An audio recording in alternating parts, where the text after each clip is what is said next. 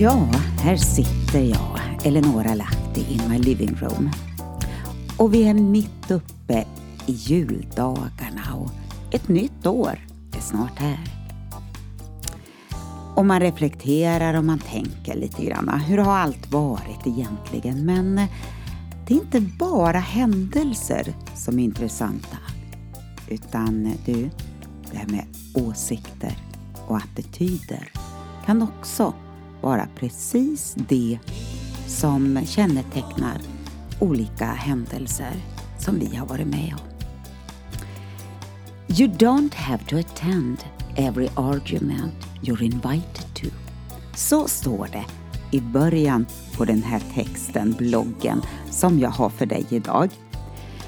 Du behöver inte kliva med och vara med i alla argument som du blir inbjuden till. Ibland så håller vi tyst.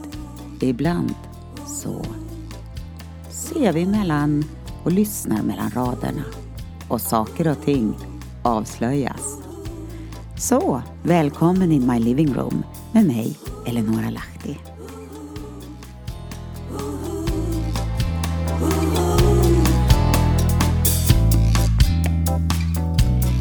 Den här texten heter Åsikter och attityder och ett nytt år är snart här.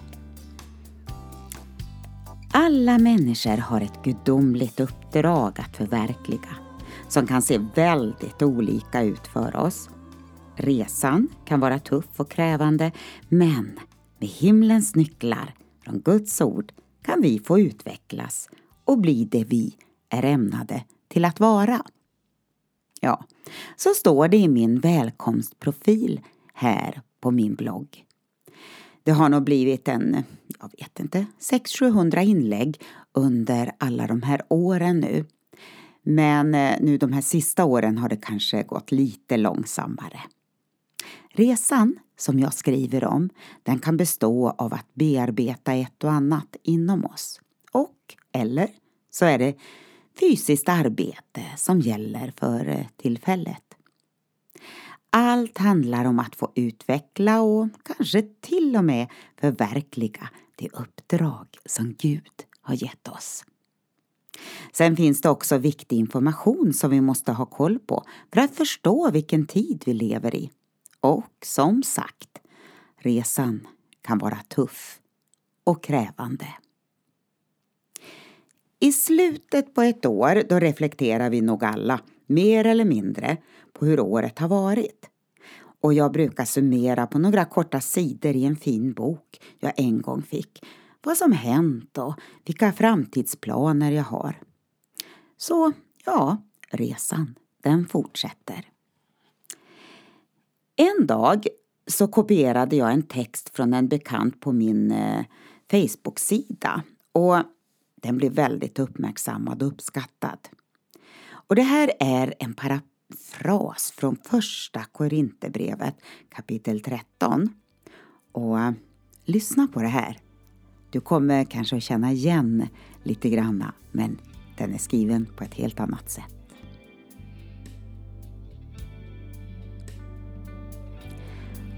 Om jag pyntar huset med perfekta blomsterarrangemang, juleljus och glittrande stjärnor, men inte visar min familj kärlek, är jag bara en inredningsarkitekt.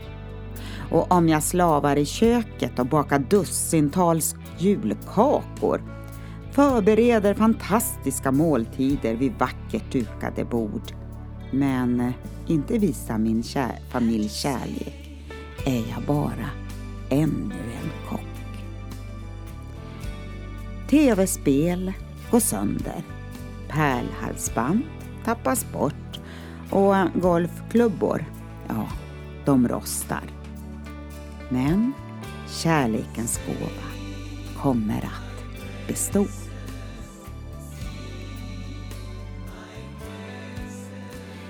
Visst kan vi behöva både inredningsarkitekter och kockar. De behöver ha en känsla och kunskap för sitt arbete. Men en personlig relation till dem, det är inte nödvändigt. Men en sak har jag kommit fram till då det handlar om relationer. Det är inte farligt att ha åsikter om julpyntet, kakorna eller maten. Ja, inom situationstecken så att säga. För det handlar om mina traditioner, erfarenheter med mera som tar sig uttryck. Men när attityder börjar kliva fram, bland annat arrogans, illvilja och osynliggöra eller förminska, du, då får man dra öronen åt sig. Då är det mera vad hjärtat är fullt av. Ja, du vet. Då talar munnen.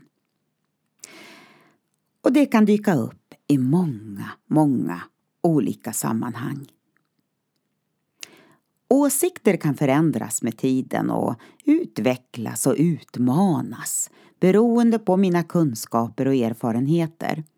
Då handlar det främst om allt som påverkar mig utifrån medans attityder, mm, de går djupare.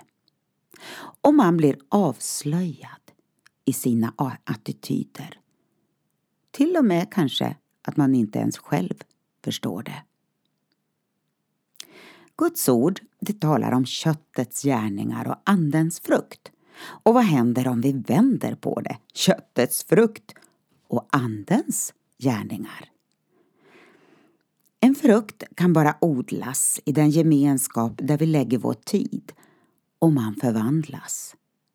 Men alla goda gärningar utifrån egna ansträngningar Ja, det kan tyvärr bara bli en tom, skrällande symbol där striden står mellan köttets begär och andens frukter. Så lätt det är att hävda och slåss för sina åsikter i vår tid medans andens frukter blivit av underordnad betydelse. Man ger sig till attityder av vredesutbrott, kiv, splittring och illvilja med mera för att slåss mot åsikter. Och man missar målet och skadar sig själv med sina attityder. Och det handlar inte om temperament, psykologiska prestationer eller uppfostran. Inför ett nytt år så önskar jag att vi alla mer och mer längtar efter att få vara i den atmosfär, eller ska vi kalla det för växthus? Ja, där alla de här underbara frukterna kan få näring och utrymme att växa genom att vi sår i Andens åker. I Galaterbrevet 6 och 10 där står det så här. Låt oss därför göra gott mot alla människor medan vi har tillfälle och framför allt mot dem som delar vår tro.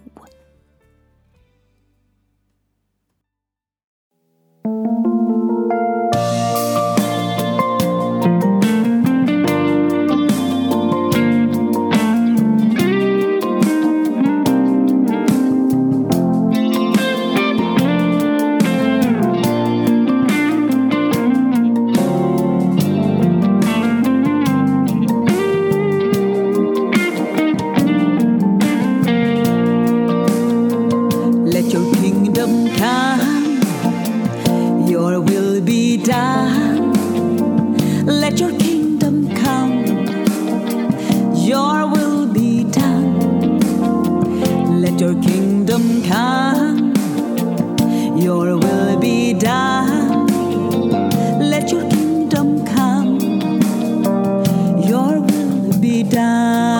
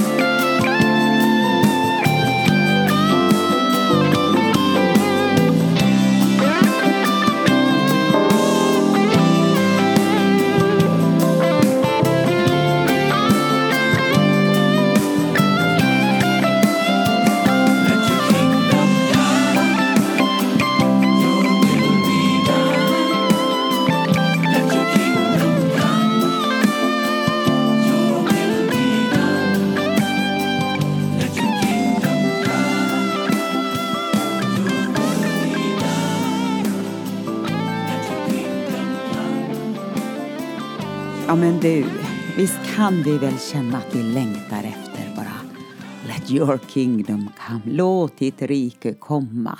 Låt din vilja ske.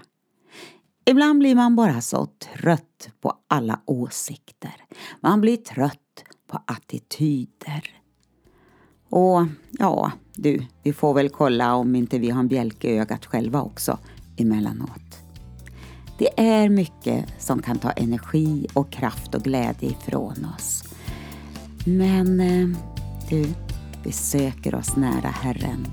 Vi låter han få vara med och, och förändra och förvandla oss. Och du och jag kan vara med och förändra det som finns runt om oss. Så att den här atmosfären som man bara längtar efter ska infinna sig. Ja, men vi kanske faktiskt kan göra skillnad. På något sätt i alla fall. Du, ha det så gott. Åsikter och attityder, vi är rädda om varann, eller hur? Hej då.